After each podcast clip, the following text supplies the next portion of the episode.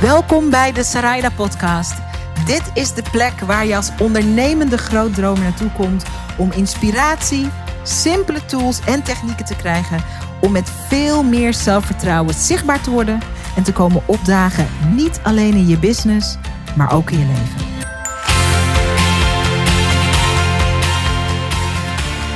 Een van mijn favoriete onderwerpen om over te spreken, behalve zichtbaarheid, is ehm, een thema wat ik heel lang ook als een soort beetje ingewikkeld of ongemakkelijk of moeilijk voelde.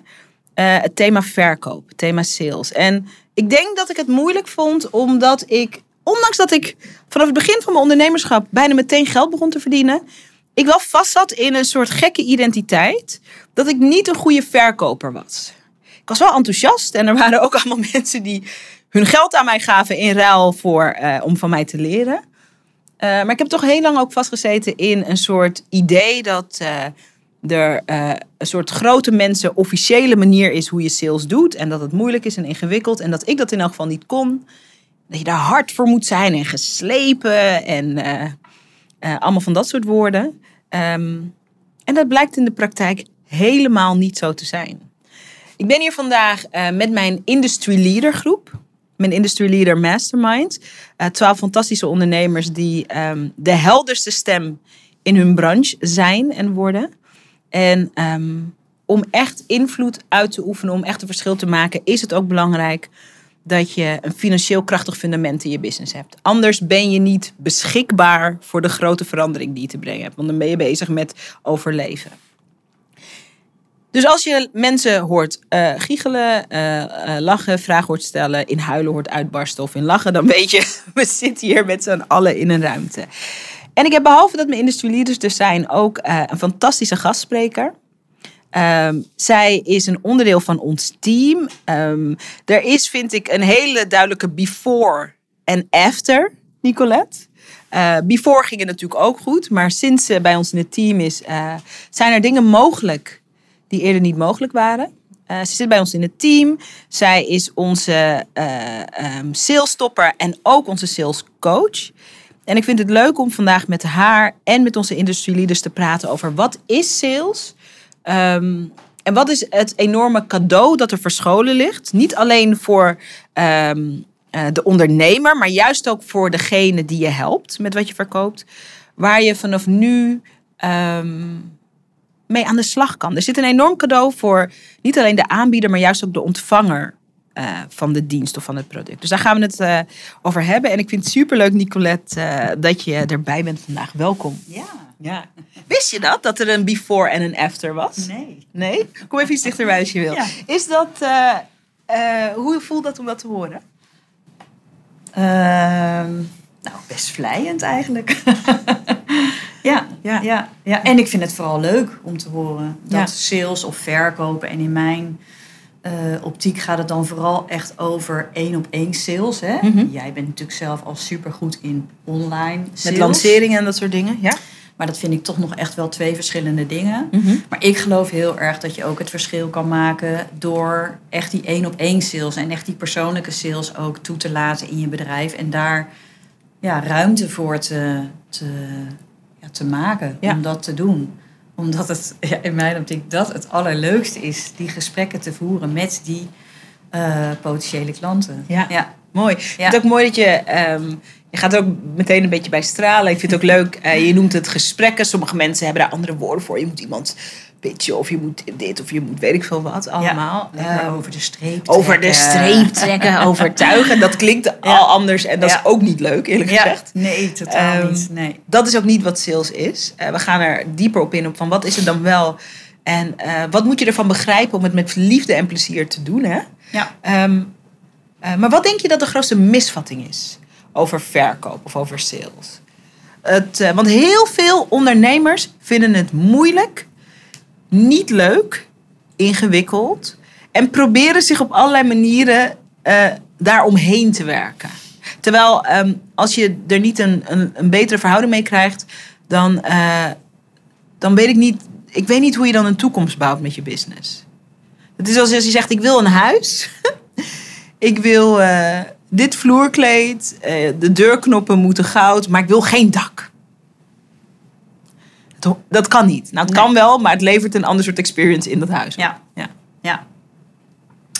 Ja, misschien is wel eh, een van de belangrijkste eye-openers die ik zelf in ieder geval ook in de afgelopen jaren eh, in één keer eh, had. Ik heb het denk ik iemand horen zeggen, ik heb het niet zelf bedacht, maar ik ben daarop door blijven borduren, is dat verkopen bestaat niet. Verkopen als activiteit. Verkopen as in ik ga nu iets verkopen. Dat bestaat niet. Dat, dat, dat, het kan niet. Het kan niet als een druk op een knop. Of het kan niet als ik ga dit doen. Ja, ja, ja. Hè, die deal sluiten.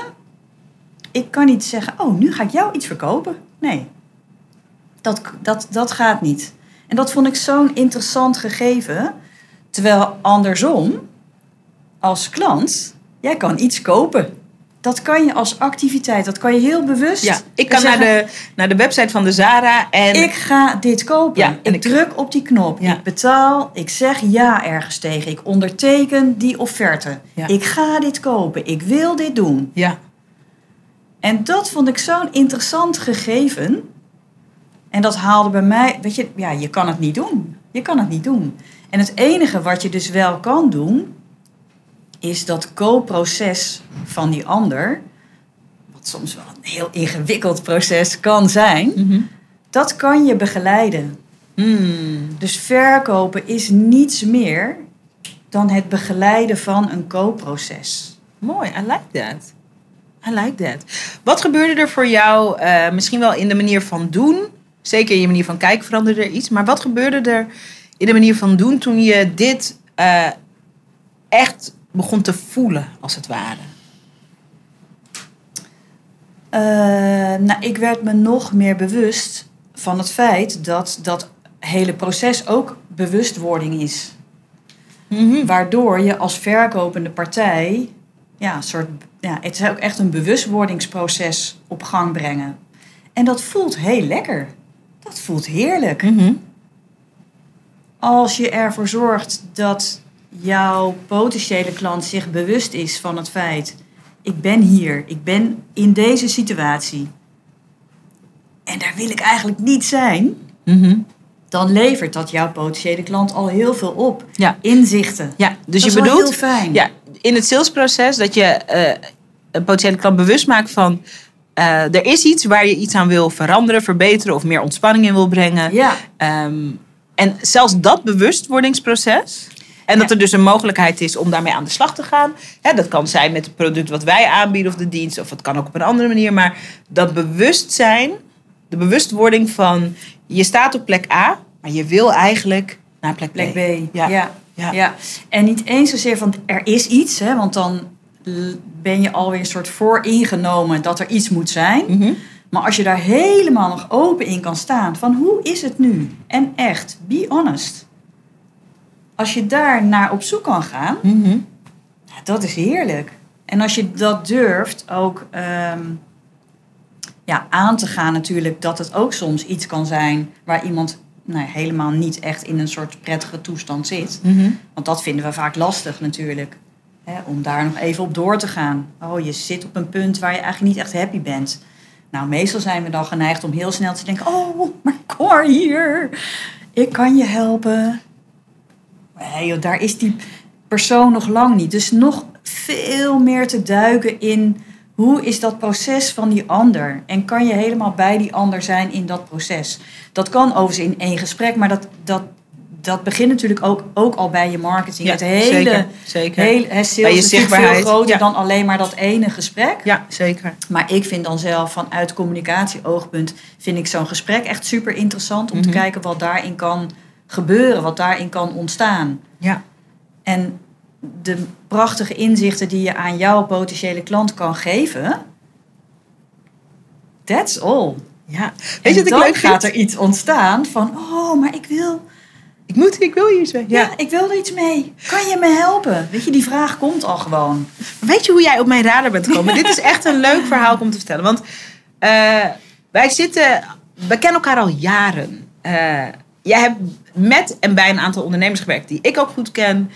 we hadden altijd een leuke klik. Eh, ik was spreker op een event waar jij ook een belangrijk onderdeel van was. Zaten lekker te eten, te kletsen. Maar weet je hoe je als salespersoon op mijn radar bent gekomen? Ehm, een goede vriendin van mij had een salesgesprek met jou. Ze heeft niet gekocht toen. En ze belde me daarna op en ze zei: Ik heb zo'n bijzonder gesprek gehad. Ik heb het niet gedaan, maar ik heb zo'n bijzonder gesprek gehad. En toen hebben we hartstikke leuk. En ik, dat, zij is een vriendin van mij, is ook een ondernemer. Ik heb haar heel hoog zitten. En ehm, dat zij mij daarover belde. En pas maanden later hè, zijn we samen gaan werken. Maar dat, dat ik gebeld word door iemand die nee zegt tegen het aanbod. En zegt maar de experience van het gesprek was zo cool. Dat we daar gewoon even over gekletst hebben. Dat is nooit meer uit mijn systeem verdwenen. Dus om echt even te onderstrepen, you really practice what you preach here. En ik denk de uitnodiging is, ehm,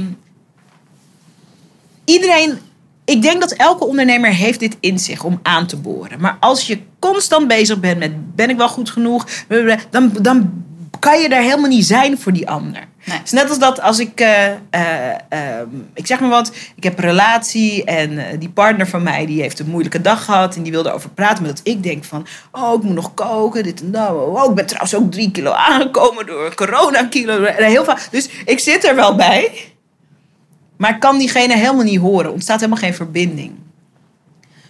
en, en sales gaat echt over verbinding.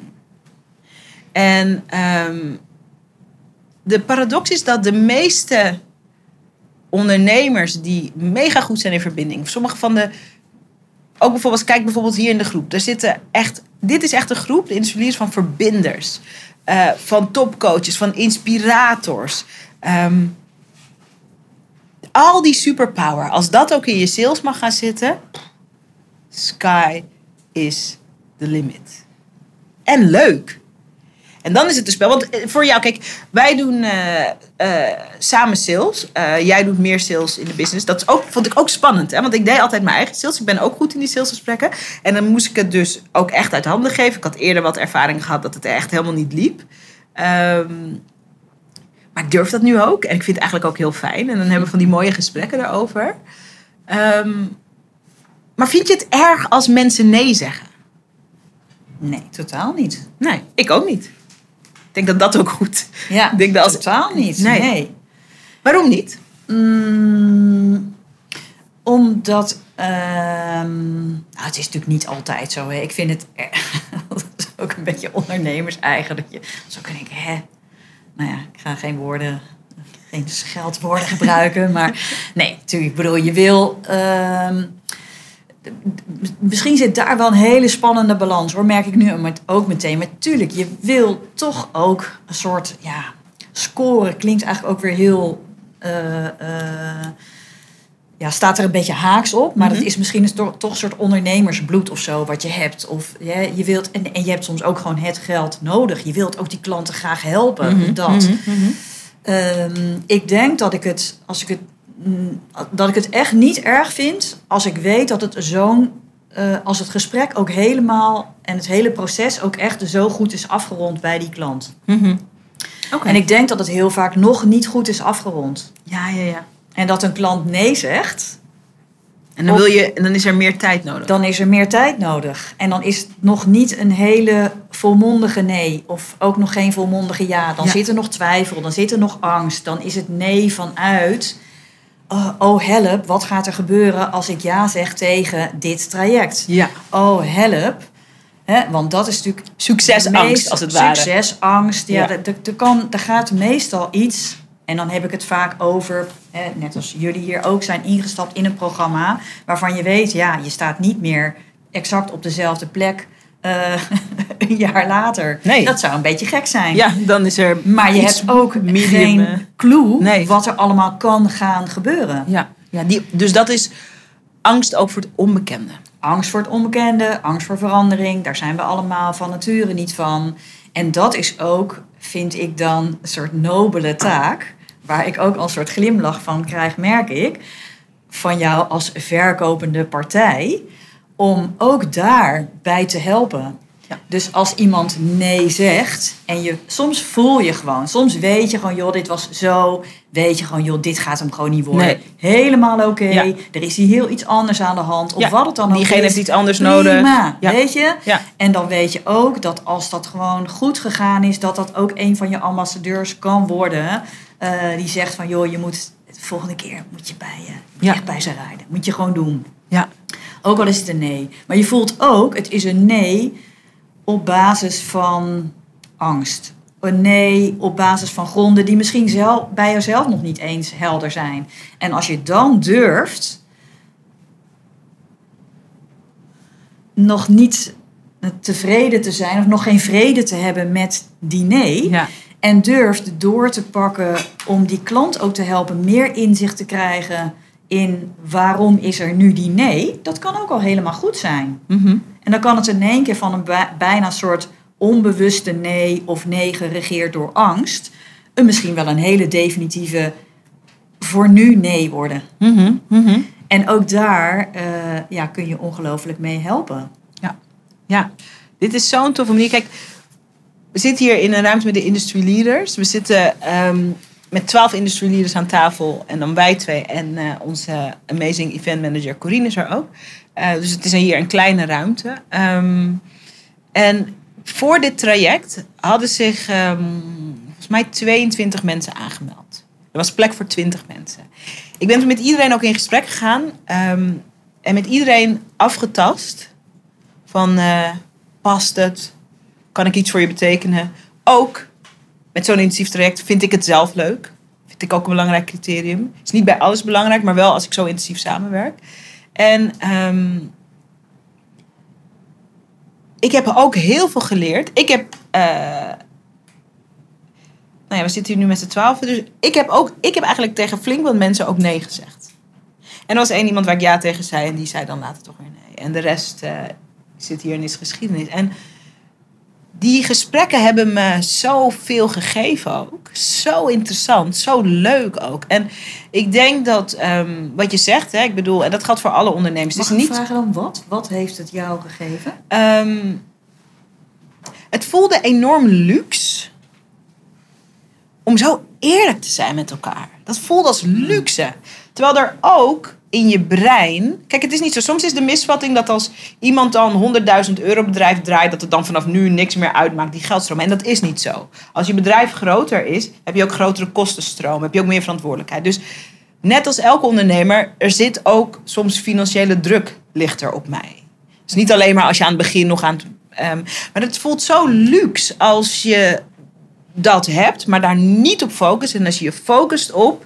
ehm, kan ik van dienst zijn in dit gesprek? Kan ik iemand helpen een duidelijke keuze te maken? Een duidelijke ja of een duidelijke nee?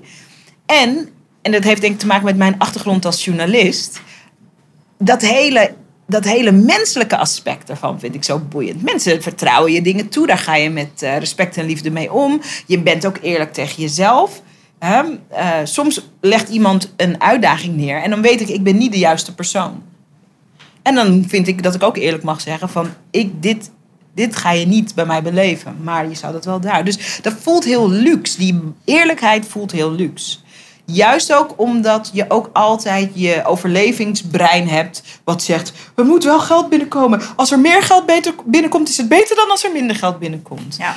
En dat is echt iets wat je kan trainen ook met sales. De misvatting is dat je dat eerst moet hebben en dat je dan goed wordt in sales, maar je kan het juist trainen ook met sales. Nou, wat hier wel een heel mooi voorbeeld aan is, en misschien heeft niet iedereen de luxe dat er 22 mensen staan te trappelen om een programma van x duizend euro te kopen, ja. waarvan je zegt: Oké, ik heb er maar 12, hè, ik wil er maar 12. Maar toch is dit wel de essentie waar het ook in mijn optiek over gaat, is dat een klant bij jou moet solliciteren. En I niet that. andersom. I love that. Hè, dus je, een klant moet heel graag bij jou klant willen worden. En moet je aan jou vragen van, goh, mag ik alsjeblieft bij jou? En zodra de energie andersom is, Hmm. wil jij alsjeblieft bij mij? Ja, ja, ja. ja, Kom hier. I love Dus this. dit is wel een hele mooie. Hè, ook al hebben jullie misschien nog niet die 22 mensen die staan te trappelen.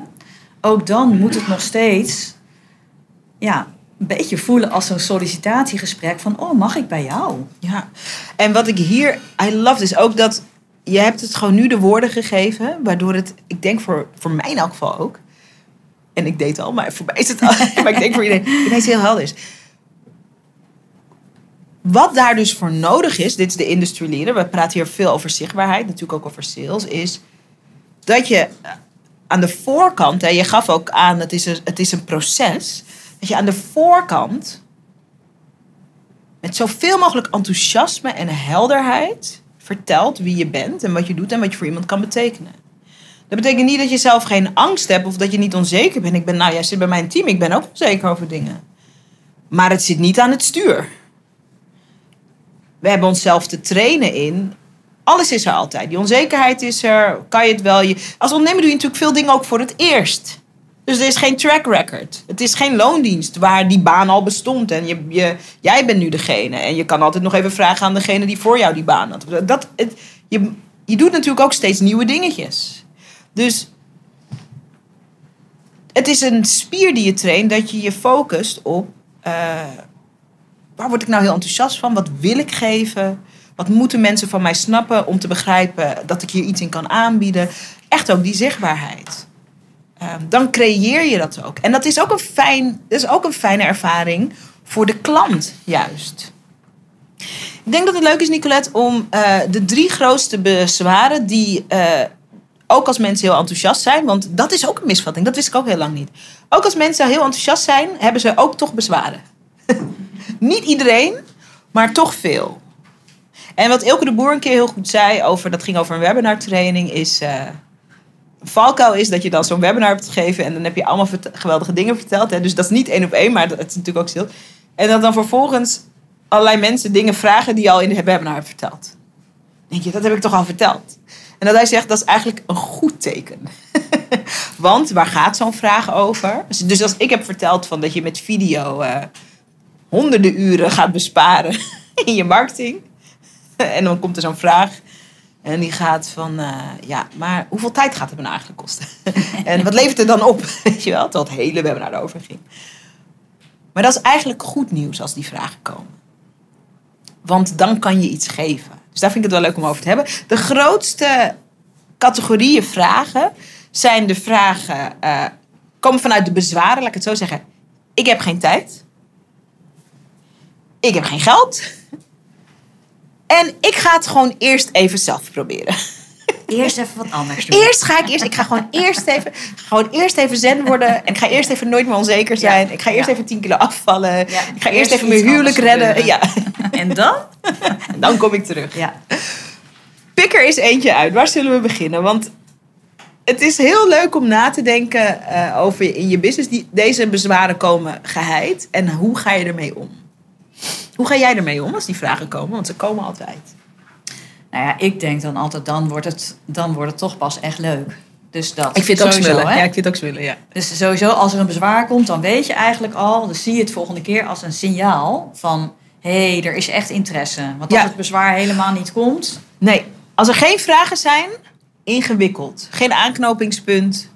Uh, nee. En wat James ons ook leert, als ik je heel even bijval, en dat heeft mij heel veel gebracht. Dus James Wedmore, mijn eh, Amerikaanse coach, bij wie ik in de mastermind zit in Amerika, dat een vraag is een bezwaar, is een overtuiging die daaronder zit. Dus de vraag. Uh, um, ja, maar ik kan toch ook. Uh, ik kan er ook eerst alleen proberen. Dat is, nou, dat is, dat is het is niet echt een vraag, dat is eigenlijk al een bezwaar. Of van, de vraag kan zijn van, ja, maar moet ik per se, moet ik per se dit programma? Daar zit dan over, ik kan het wel eigenlijk alleen.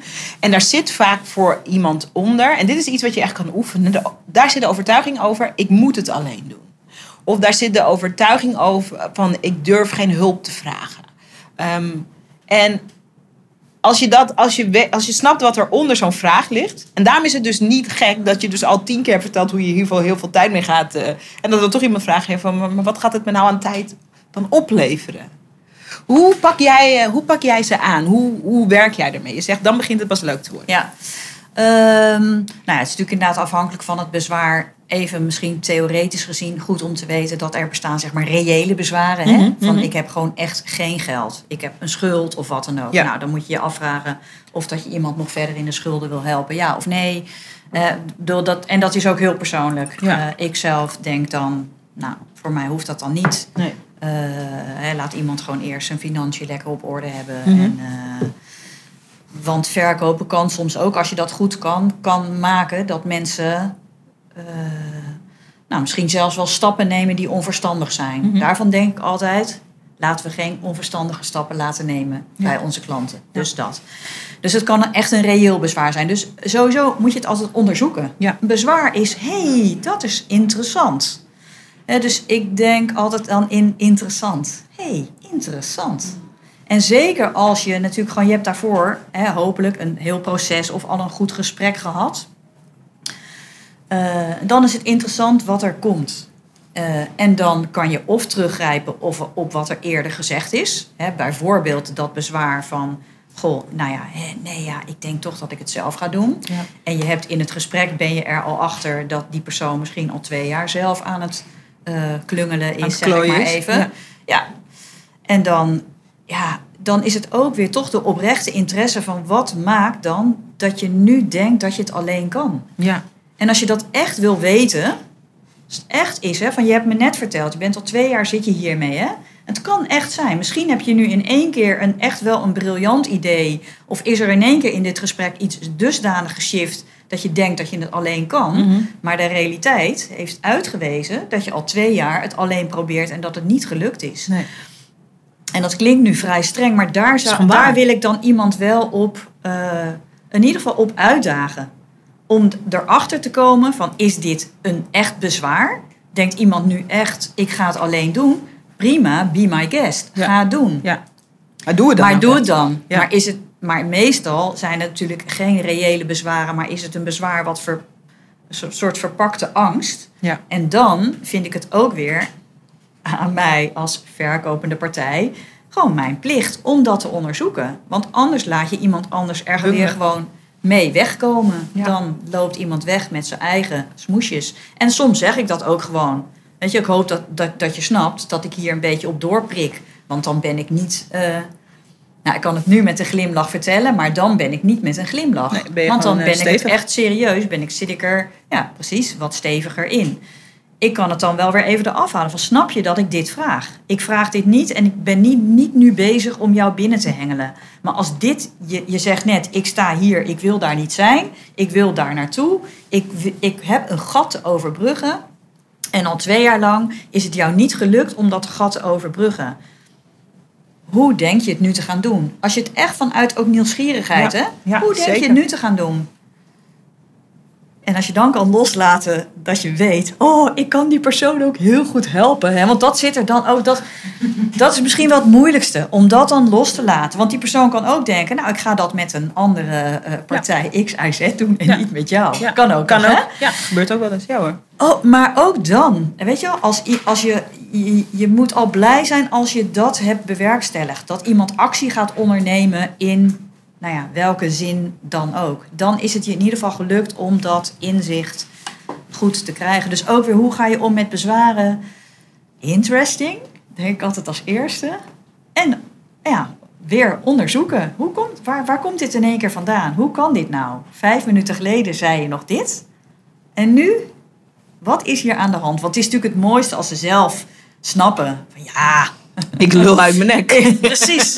Ja, en Ja. dat zeggen ze soms ook. Ja. Als je zo goed ook ehm, in zo'n gesprek zit, dan gaan ze dat ook zeggen. Ja. Ja, En weet je wat hier het cadeau aan is? Want we hebben het in de Industry Leader eh, ook veel over het thema, wat soms een beetje hoog overvoelt, van sales is service. De, dit, deze kwaliteit gesprek, dit, deze, kwaliteit- oeh, nou, de kwaliteit van zulk soort gesprekken, daar is een grote schaarste aan in de wereld. Heel veel ondernemers, maar ook mensen gewoon, eh, hebben daar weinig toegang toe in hun leven. Dat iemand, zo'n gesprek kan een half uur, een uur duren, drie kwartier. Dat er gewoon een, een uur iemand met je meekijkt, hè, onafhankelijk even van eh, of je nou ja of nee gaat zeggen, van hoe werk jij jezelf in je grote droom tegen? Dat is gewoon niet. In je privé is het zo dat, dat je kan dat wel delen, maar dan komt iemand met zijn eigen hele eigen realiteit overheen. Van ja, maar zo werkt het toch ook niet? Of uh, ja, maar jij wil altijd dingen die onmogelijk zijn. Dat is waar mensen in de realiteit mee struggelen. Ehm, dus het is zo, net zoals dat vandaag bij de industrieleader in deze ruimte. Dit is een safe space. Hè? Dat is ook waar we steeds naar terug refereren. Hier mag je het hardop even niet weten. Hier mag je ook hardop juichen over een megadeal die je binnenhaalt. Hier, je mag hier gewoon hardop zijn. Dat is een safe space die je creëert. Je kan ervoor kiezen om dat, om dat ook je sales fundament te laten zijn. En dan is het dus echt service. Of iemand nou ja zegt, of dat iemand nou nee zegt. Dat is waarom die vriendin mij belde. Die had gewoon even een soort vacuüm in de tijd. Wat jij had gecreëerd, of wat jullie samen hebben gecreëerd. Waarin, uh, en zij is een mega goede ondernemer. Echt, uh, een van de, ik vind haar een van de meest inspirerende, een van de beste. Dus het gaat er niet om dat je dat alleen maar aan beginners of zo kan aanbieden. Maar een mens heeft gewoon in elke fase van zijn leven soms die safe space even nodig. Waar ben ik nu? Waar sta ik? Wat wil ik eigenlijk? Hoe zit het? Wat heb ik daarvoor nodig? Waarom doe ik dat nog niet? Waarom ben ik daar nog niet? En wil ik in de oplossing stappen met deze persoon op dit moment? That's beautiful als je dat aan kan bieden. Sales is service. Ehm, en als je dat gaat omarmen, nou ja, dat weet je ook met alle gekheid bij ons in het bedrijf. Wanneer we moeten gaan lanceren, er is allemaal gekheid. Soms verander ik op het laatst nog van gedachten over iets, maar I love it. Omdat ik weet, ik ga die gesprekken aan. Ik weet dat als het een lancering is, dan gaan we content maken die, waar we mensen mee gaan challengen op hun huidige, soms beperkende gedachten. I like that. I think that's beautiful. En ik vind dat net zo cool als dat iemand uh, door een gratis training heen loopt en zegt: Nou, ik ga niet kopen, maar man, wat is er iets opengebroken. Ik kom zeker in een laatste stadium nog wel terug. Dat vind ik heerlijk. En ik vind het natuurlijk ook heerlijk als mensen ja zeggen. Want dan begint het avontuur pas. Nu gaan we eraan werken. Ja. Nu gaan we ermee aan de slag. Dus ja, wat is er mogelijk voor je als je dit zo gaat zien? Wat doe je met het bezwaar? Ik heb geen tijd. Wat anno 2020 en, en, nou ja, en gewoon in alle tijden van de mensheid. Er is natuurlijk bijna niemand die zegt, nou ik heb ze bakken met tijd over elke dag. Ik verveel me de hele tijd. Dat is natuurlijk meestal niet zo. Ja, het is eigenlijk weer hetzelfde. Het is toont toch weer, oh, interesting.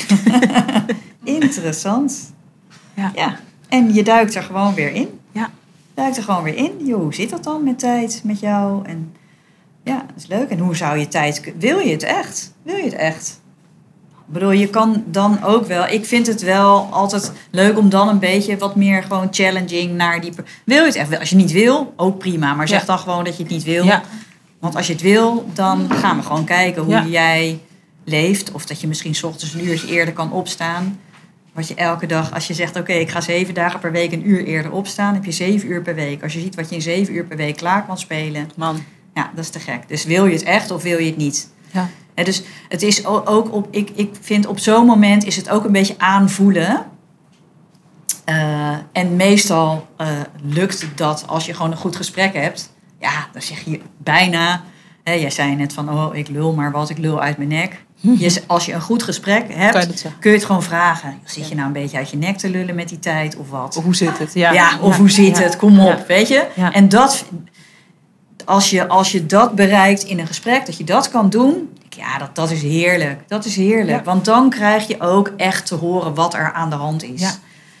ja. dus, dus, maar goed, nou ja, dat heeft soms inderdaad ook tijd nodig of vertrouwen. Of het lijkt nu allemaal simpel. Hè? Ik bedoel, ik hoop wel dat jullie ook snappen dat ook ik heb nog steeds echt gesprekken waarvan ik dan aan het einde denk: oh my god, weet je wel, dit had ik.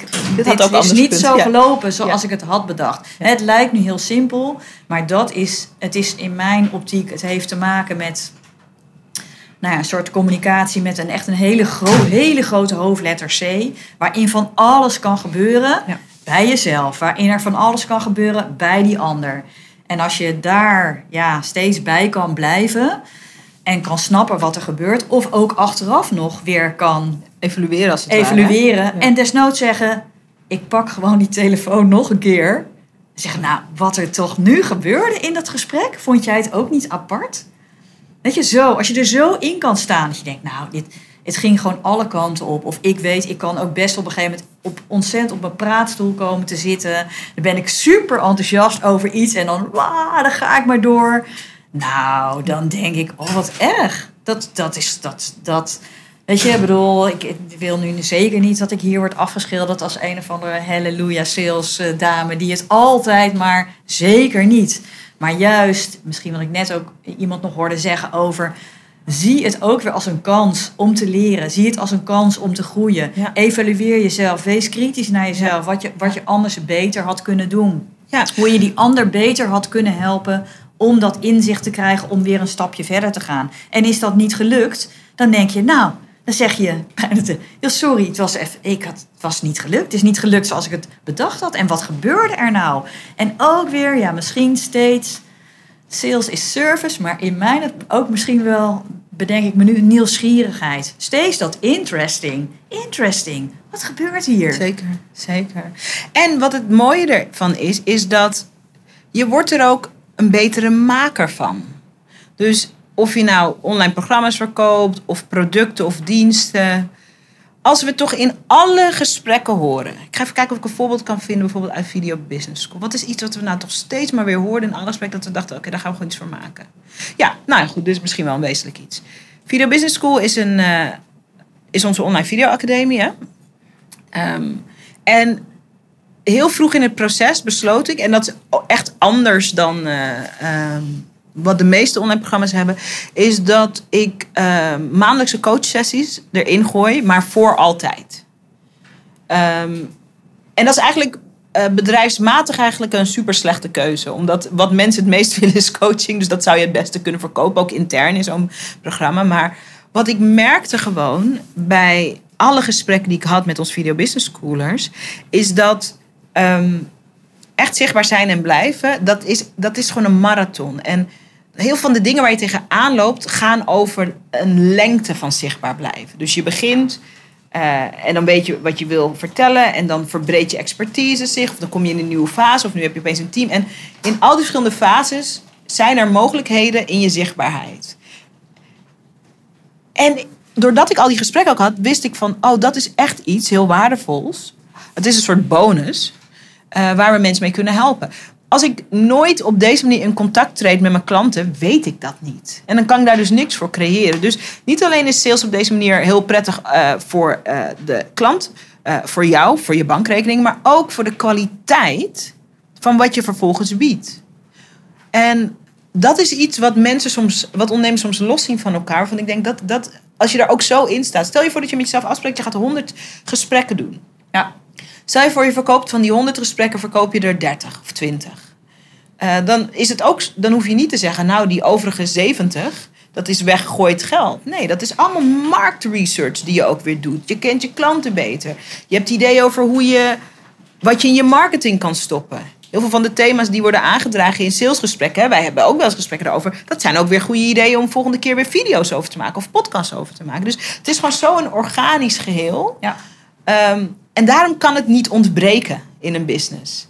En daarom, daarom halen ook veel klanten in het begin, veel ondernemers in het begin, klanten binnen als ze nog in een soort onderzoeksfase zitten. Ja, dat want is dan waar, voelt het, Want dan voelt het heel, oh, ik ben toch alleen maar aan het onderzoeken. Ik ben alleen maar nog aan met klanten in gesprek over, weet je, wat ze, wat ze eigenlijk willen. En dat worden dan hele leuke gesprekken, omdat er dan nog niet dat uh, die rare hypotheek van het moet nu. Uh, het moet nu en ik moet het verkopen en het moet nu succesvol. Nee, dan is het nog gewoon onderzoekend. En dan kun je op een of andere manier, of nou, weet je, is het misschien makkelijker om met je aandacht bij die ander te zijn. Omdat je het dan ook echt wil weten, omdat je het nodig hebt inderdaad om je business verder vorm te geven.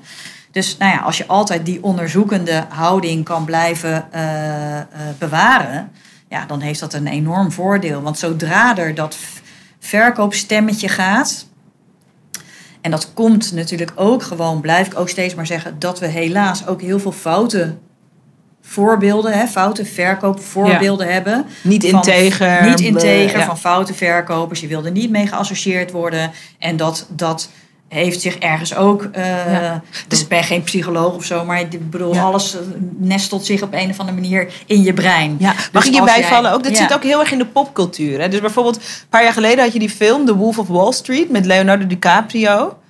Dat is een mega verkoper, maar dat, dat, dat, dat- we kennen heel veel van dat soort voorbeelden. Het zit echt ook in de popcultuur. Wall Street, al die films Ja. van die gladde gast die eh, ook bereid is om iemands ziel uit zijn lijf te trekken Ja, ja. eh, in ruil voor de sale. En, en, Maar ook dichtbij gewoon dat je gebeld wordt. oh ja, ja, ja. Van, eh, mag ik het hoofd van de inkoopafdeling van kantoorartikelen spreken? Ja, Get, get out Ja, my face. Ja. precies. Dus en, en, en oh, die, ik- iets, iets willen verkopen waar je niet op zit te wachten. Daar, Ja. daar hebben we, dat, dat maken we bijna dagelijks mee. En dat, dat vind je vervelend. Denk je, gadverdamme, Ja. daar wil je niet mee geassocieerd worden. Dus dat is ook weer een soort plekje in je brein. Van, hé, hey, zo'n soort verkoper wil ik niet zijn. Ja. Of ja, verkopen is toch eigenlijk stom. Of verkopen is inderdaad iets door iemand strot duwen waar die niks aan heeft. Hè, ze zeggen... eh, oh, eh, dat is zo'n goede verkoper. Die verkoopt nog een televisie aan een blinde. Ja, ja. Nou, eh, ja, ja. Weet je, ja. Ja, ja. Dus dat zijn allemaal... Dus verkopen, dan kan je goed kletsen. Oh, maar die kan het echt goed. Weet je, denk ik, oeh, als dat... Op een of andere manier is dat ergens nog een soort... Nou ja, Heersend beeld. collectieve Ja. heersend beeld van wat verkopen is. En daar hebben we misschien onbewust allemaal last van. Dat wil je niet zijn. Dus dat betekent misschien ook dat je misschien een beetje voorzichtig bent in, in, in sales. En daarom hoop ik ook zo. eh, ja, weet je wel, dat ook hier in ieder geval in deze ruimte weer die shift ontstaat naar die hele andere kant van, van verkopen. Of ja, dat die denken, oké, dat verkopen dat bestaat niet. Ik ga inderdaad al die klanten gewoon ja, helpen en helpen kopen. En, of ik ga ze, ik noem het ook wel inside selling. Ik ga ze dat inzicht geven. Ik ga ze bewust maken. En hoe heerlijk, ja, hoe Ja. heerlijk is dat? Ja. Ik wil voordat we hem opengooien met wat vragen. En we gaan straks ook even eh, wat oefenen, lekker. Er is gelukkig ook nog tijd. Ehm, ik wil nog even aandacht besteden aan iets wat eh, kort voorbij kwam, maar wat mega belangrijk is. Een van de dingen die we allebei in onze stijl hebben, in onze mensstijl, en daarom ook in eh, de manier waarop je die gesprekken aangaat, is dat, en dat durf ik ook, jij durft ook, je durft stevig te worden. Je durft eh, de journalist te zijn, noem ik het. Je durft door te prikken. Wat bedoel je precies als je zegt ik heb geen tijd? Hoe zit dat dan? Hoe werkt dat dan? Wat ik merk bij ondernemers die, ehm, hoe kan ik dit op een nette manier zeggen? Eh, die, ehm, we zijn allemaal onzeker. We twijfelen allemaal over, eh, is het goed genoeg? Maar ik zie soms ondernemers die hele onzekerheid in, in hun sales meenemen. En dan gaat het er, wat er dan dus shift in zo'n gesprek, is dat eh, de afspraak van een goed gesprek is dat jij de potentiële koper begeleidt bij het maken van een eh, keuze. Maar als er veel, vaak onbewuste onzekerheid meekomt, dan is een salesgesprek eigenlijk dat de klant de ondernemer moet bevestigen dat het oké is. Ja. En dat werkt Ja. niet. En als dat zo is, dan durf je dus ook niet eerlijker te worden. Van, beste, volgens mij is dit niet waar wat je zegt. Want dan moet je die bevestiging krijgen. En dan, is het dus, dan ben jij eigenlijk op sollicitatie bij de potentiële klant. In plaats van dat de potentiële klant op sollicitatie is bij jou. Hoe, wat kan je doen als je per ongeluk je onzekerheid meeneemt in zo'n gesprek? Want iedereen is ook onzeker. Maar wat kan je doen voor jezelf als je een ondernemer bent? Ik denk dat veel mensen die dit luisteren dit ook herkennen. Ik ga wel, maar ik hoop dat ik hoop en ik mm, en ik. eh, mm. Ja, dat vind ik wel een lastige vraag. Ik, ik, ja, natuurlijk, ik ben ook wel eens onzeker, maar als ik, ik ben. ehm, nou, ik, hoe, ja, het is dan bijna zou ik hem ook weer omdraaien. Hoe kan je onzeker zijn over de beslissing van een ander? Mm, I love die vraag. Hoe kan je onzeker zo zijn over de beslissing draaien. van een Ja, ander? Als je daar van tevoren dan over nadenkt. Ik moet wel zeggen, ik heb ook een tijdje lang, voordat ik gesprekken ging voeren, eh, bereid ik me ook mentaal voor. Hmm. Op dit soort dingen. Mhm. Dus dit zou ook weer een hele mooie quote zijn die ik daarop kan zetten. Daar staan gewoon een aantal dingen op van. Nou ja, ik, ik, ik ben het meer dan waard om, of mijn diensten zijn het meer dan waard. Eh, er staan gewoon een aantal eh, statements op. Hè. Er staat ook weer op van verkopen bestaat niet. Ik kan alleen maar helpen. Dus eh, Mooi. bereid je gewoon ook mentaal voor op een gesprek. En zorg dat je die onzekerheid... Want ik vind het altijd moeilijk als je jezelf met een soort onzekerheid helemaal vereenzelvigt. Want we zijn nooit als mens helemaal Nee, onzeker. nee. Je bent misschien onzeker over een klein stukje. Nou, misschien is het al goed om dat van tevoren even uit te zoeken van... hey, Waar ben ik dan precies onzeker Waar ben ik over? dan precies onzeker over? Ja. Eh, hè, dus dat zou ik doen. Maar ik zou het meenemen in een soort mentale voorbereiding. Ja, goed en hoe dit. zei ik hem nou Ja. net? Ik vond hem eigenlijk Ja, wel je briljant kan niet gevonden. onzeker zijn over de keuze van een ander. Ja. Oh my god, dit wordt je boek niet. Ja. Sales from the inside. Ja. Ja. Ja. En weet je, en ik denk ook wat James ons bijvoorbeeld veel leert, James Wedmore, is. ehm, en dat heeft hier ook mee te maken. Want het gaat er dus niet over dat er onzekere en niet onzekere mensen zijn. En dat de niet onzekere mensen fantastisch zijn met sales en de onzekere mensen niet. Dat, daar gaat het helemaal niet over. Maar het- James zegt ook, en we worden daar ook veel op gechallenged bij hem. Hij zegt in het Engels: What do you make it mean? Wat, welk verhaal plak je erop dat iemand ja zegt of nee zegt? Of het niet begrijpt als jij het hebt? Welk verhaal plak je erop? En een van de dingen die ik het leukst vind aan ondernemerschap is dat je wordt uitgenodigd om heel veel van de betekenis die je aan allerlei dingen hebt gegeven, om dat gewoon eh, op te heffen, als het ware. Dus bijvoorbeeld, eh, ik zal even kijken of ik een goed voorbeeld eh, voor mezelf kan nemen. Dus, ehm, oh ja, dit. Oh, grappig. Ja, ik heb dit volgens mij ook nog nooit gedeeld. Oké. Ik ehm, wilde heel graag een extra eh, online eh, product gaan aanbieden. Ik had helemaal in mijn hoofd dat dat echt mega belangrijk was voor de business. En ik had er ook helemaal van gemaakt dat eigenlijk er ook geen toekomst was zonder dat product. Heel groot gemaakt in mijn hoofd. En dat ging ook gepaard met heel veel enthousiasme en plezier en zo. Maar er zat ook een mega hypotheek op. En toen eh, bij James eh, kreeg ik een hot seat. En dan word je dus echt eh, op een liefdevolle wijze echt getorpedeerd met ingewikkelde vragen. En dan denk je, iedereen die daar staat denkt na twee minuten van... What was I thinking? The fool that I am. En... ehm, en ik had dat zo voorgelegd. En James bleef me maar prikken op. eh, wat is nou het verhaal dat je eromheen gemaakt hebt? En ik was me ook niet zo bewust ervan. Maar ik had gewoon besloten dat alles wat ik had gecreëerd in het bedrijf. was gewoon wel goed. Eigenlijk heel. Maar eh, om in de toekomst mee te kunnen draaien. eh, en ik denk dat dat gebaseerd was op vier vragen die ik had gekregen van vier klanten. Die hadden gezegd, ik wil eigenlijk dit. En ik dacht, daar moet ik een hele nieuwe wereld voor bouwen. Vier mensen hè, van de 1500 klanten. En ik had het zo groot gemaakt. En dat was een mega issue. Dat, eh, ik was zo, voor die week daar in Amerika. Die eh, issue heeft mijn hele week beïnvloed. En dat James zei...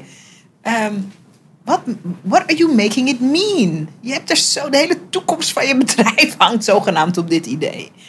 En dit doen we, de hele toekomst. Als één iemand een refund aanvraagt, dan betekent het dat iedereen een refund gaat aanvragen. Dat betekent dat het hele programma niet goed in elkaar zit. Dat betekent dat I suck.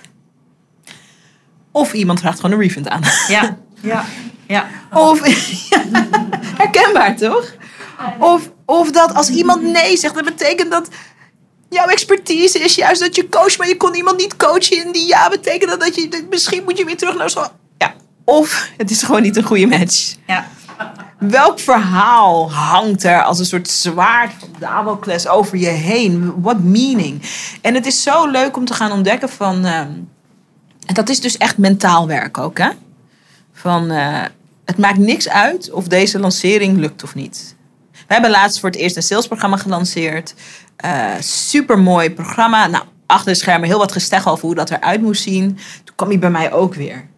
Ik ben eigenlijk van de zichtbaarheid. Ik hou van sales, maar ik ga er nu kom uit de kast. Let op, hè? Let op hoe dit zwaar wordt. Ik kom uit de kast als iemand die ook van sales houdt. Ik moet aan iedereen uitleggen hoe sales en zichtbaarheid zich tot elkaar verhouden. Heel verhaal. Wat betekent dat dan? Eh, heb ik wel genoeg content gemaakt? Heel verhaal. Super weinig ruimte om het gewoon leuk te laten zijn.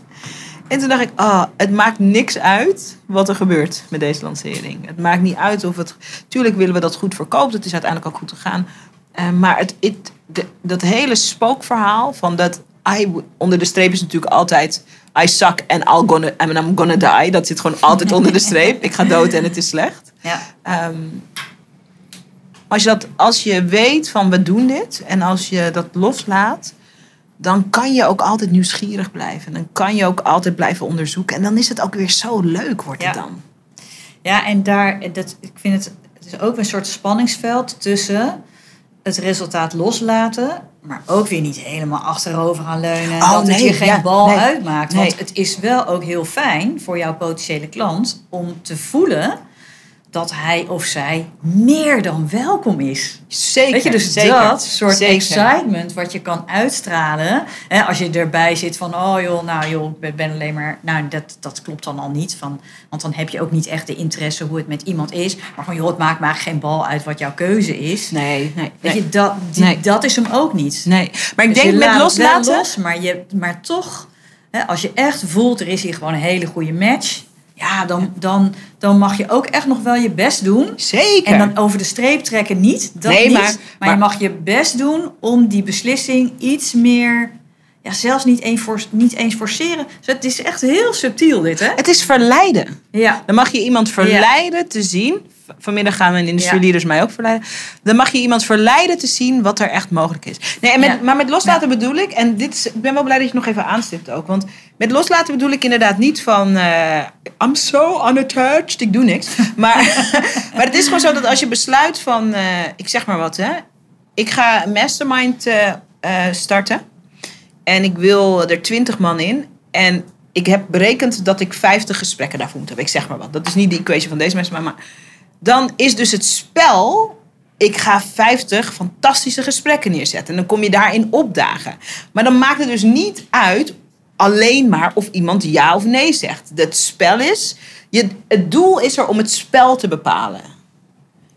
En en vervolgens, als je je dan focust op het spel, op het avontuur, vanuit die nieuwsgierigheid, wat kan je betekenen? Wat ga, wat, je gaat 50 levens veranderen, of ze nou ja of nee zeggen. Holy Ja. fuck. Eh, dan laat je dat resultaat los. Ja. Want dan is het dus ook zo, je doel is 20. En stel dat er 14 zijn. Maar je hebt wel die 50 levens veranderd. In die gesprekken. Nou, fantastisch toch? Ja. Dus heb je het doel niet gehaald, maar je hebt wel het spel gespeeld. En ik, ga er, ja, ik ben ervan overtuigd. Ik vind het wel mooi ook om zo'n getal te noemen. Hè? Dus je hebt één gesprek gehad. Nou, dat is het niet. Nou, dan kan je stoppen. Je doet er nog één. Je doet er twee of drie. Maar stel nou dat jullie inderdaad allemaal de, het komende jaar... dat je minstens 50 Ja. gesprekken voert. Ja, dan is je hele business is veranderd. Je hele leven verandert dan. Ja. Je hele leven verandert Ja. Ik had dit is zo. Dus dat- dat doorgaan, doorgaan, Ja, doorgaan. Dat ja. ook, de- ook zo'n getal eraan hangen. Ja, ja. Dan zeggen, oké, elke week, wil elke week één goed gesprek. Ja. Elke week. Fantastisch, toch? Nou, dan heb je er 52. Ja, maar en ik denk, dit is bijvoorbeeld ook iets wat we bijvoorbeeld kunnen leren van atleten. Ehm, een atleet komt gewoon sporten, komt gewoon trainen. Maakt niet uit of hij zich lekker voelt. Maakt niet uit of hij de vorige wedstrijd heeft verloren. Weet je, kijk die eh, documentaire reeks van Michael Jordan. Het is een documentaire reeks op, eh, op Netflix. Echt van, gewoon inspirerend. Top basketballer en op een gegeven moment gaat hij eh, honkballen. Een soort als een gekke bevlieging. En, en, hij, en hij saks in het begin. maar hij is ook de beste atleet, was hij, tot die tijd. En dan maakt hij gewoon de beslissing. Dan heeft hij volgens mij twee wedstrijden gespeeld. Hij wordt helemaal van het veld gefloten. Iedereen zegt, nou, eh, one trick pony. Want je bent wel goed in de NBA. Maar kijk op baseballfield. En dan besluit hij gewoon... Elke ochtend voor de training gaat hij duizend slagen oefenen. Dat is gewoon zijn besluit. En maanden later... Super veel beter geworden. Dat is gewoon een praktisch besluit. De training begint volgens mij om acht. En hij gaat gewoon om zeven. Van zeven tot acht gaat hij duizend slagen doen. En heeft niet Ja, te maken met. Dat, dat is gewoon een keuze die hij maakt. Ja. Om, om zich te verhouden aan het spel gewoon. Aan, aan het werk. En wat jij zegt. Als je vandaag besluit dat je 52, nou ja, laten we zeggen 50, heb je met kerst een keer vrij. Dat je 50 gesprekken doet. Met mensen. Waar je iets voor zou kunnen betekenen. Dan is je hele leven ziet er anders uit. Over zes maanden al. Misschien over drie maanden al. Zo praktisch is het. En ik ben blij dat je het zegt, want soms hangen we helemaal, en ik herken dit ook, want ik doe dit ook. soms hangen we helemaal in de mindset-modus. Ik moet gewoon eerst dit. Ik moet gewoon eerst de banden doorknippen met mijn voorouders. Die weet ik wel wat. Weet je, al die dingen. Ja. En voor de spierders onder ons. Ja. Ik moet gewoon eerst een ceremonie, een soort ritueel gaan doen. En ik moet, ik moet Ja. al mijn angst op een briefje schrijven. En in een vuurpot verbranden. En, en mediteren en al die dingen. I love those things. Ja. I do those things. Maar je moet ook net als Michael Jordan gewoon een uurtje erop staan en duizend slagen doen Precies. voordat de training begint. Het is eh, bezinning, mentaliteit, misschien een stukje spiritualiteit, maar ook inspired action. Ja. En dan kan je ook ontdekken. Ik heb een keer een jaar gehad. Ik had afgekeken bij een andere ondernemer die meer omzet draaide. Uh, ik heb een keer een jaar gehad dat ik uh, elke week, oh, als ik aan terugdenk, elke week hetzelfde webinar deed. Ik moet ook lachen. Want uh, business coach, zij was ook super succesvol. ik wilde meer constante geldstroom, niet alleen maar lanceringen. En ze had een heel pleidooi gedaan voor elke week hetzelfde webinar. Nicolette, het was hel. het was gewoon hel. Ik verkocht wel wat. Maar ik keek gewoon, ik deed die webinars op woensdagochtend. Ik dacht op dinsdagavond, dacht ik al, oh god. Maar ik heb het wel een hele tijd volgehouden. En er zijn ook nieuwe klanten uitgekomen. En ik heb ontdekt, deze vorm werkt niet voor mij. Fantastische ontdekking. Um, en ik ben ook trots dat ik het even heb doorgezet. Uh, zodat ik echt kon bepalen, niks voor mij. Je moet gewoon experimenteren ook, toch? Met wat je stijl is en wat je vorm is. Absoluut. Ja? Zijn er vragen voor Nicolette? En ik ga net als uh, eerder deden we ook een opname in de Industry Leader voor de podcast. Niet iedereen is even goed verstaanbaar, dus iemand stelt de vraag. Dan ga ik als een soort suffert die vraag herhalen. De vraag was? De vraag was en dan, uh, en dan, kun, uh, dan kan je antwoord geven. Vragen over sales. Arlet. Ik was benieuwd hou je daar dan ook prijs van je, uh, van je dienst aan vast? Een goede vraag. Of uh, wanneer de prijs lager is, is daar een andere manier van sales voor nodig? Super. Ik val het samen. Maar let dat echt een belangrijke vraag ook. Eén op één gesprekken zijn intensief, ook tijdsintensief, arbeidsintensief. Um, hoe verhoudt zich dat tot het product wat je aanbiedt of de dienst qua prijs? Ja, ja maak een rekensom. ja, ja, ja, het is natuurlijk logisch dat als je een product van een paar honderd euro... kan waarschijnlijk niet met één op één sales eh, gesprekken... waar je een uur over doet verkopen. Dat is niet slim, want dan moet je gewoon gaan rekenen... oké, wat is je conversie? Nou ja, als je, ik bedoel, e-, eerlijk gezegd, ik hoor dan wel eens mensen zeggen... ja, 80% conversie. Nou, ik heb heel veel gesprekken gevoerd. Ik ken ook heel veel sales experts... Uh, die halen misschien niet allemaal 80% conversie en dat is misschien 25% al fantastisch. Mm -hmm. Maar het betekent dat je gewoon wel vier gesprekken van een uur moet voeren om één klant binnen te halen. Ja, wat, wat kost dat? Dus maak, ja, maak gewoon een rekensom. Ja, ja. En ik vind het ook leuk, omdat wij hebben het hier ook over. En jij hebt me daar ook nog meer bewustzijn in gegeven.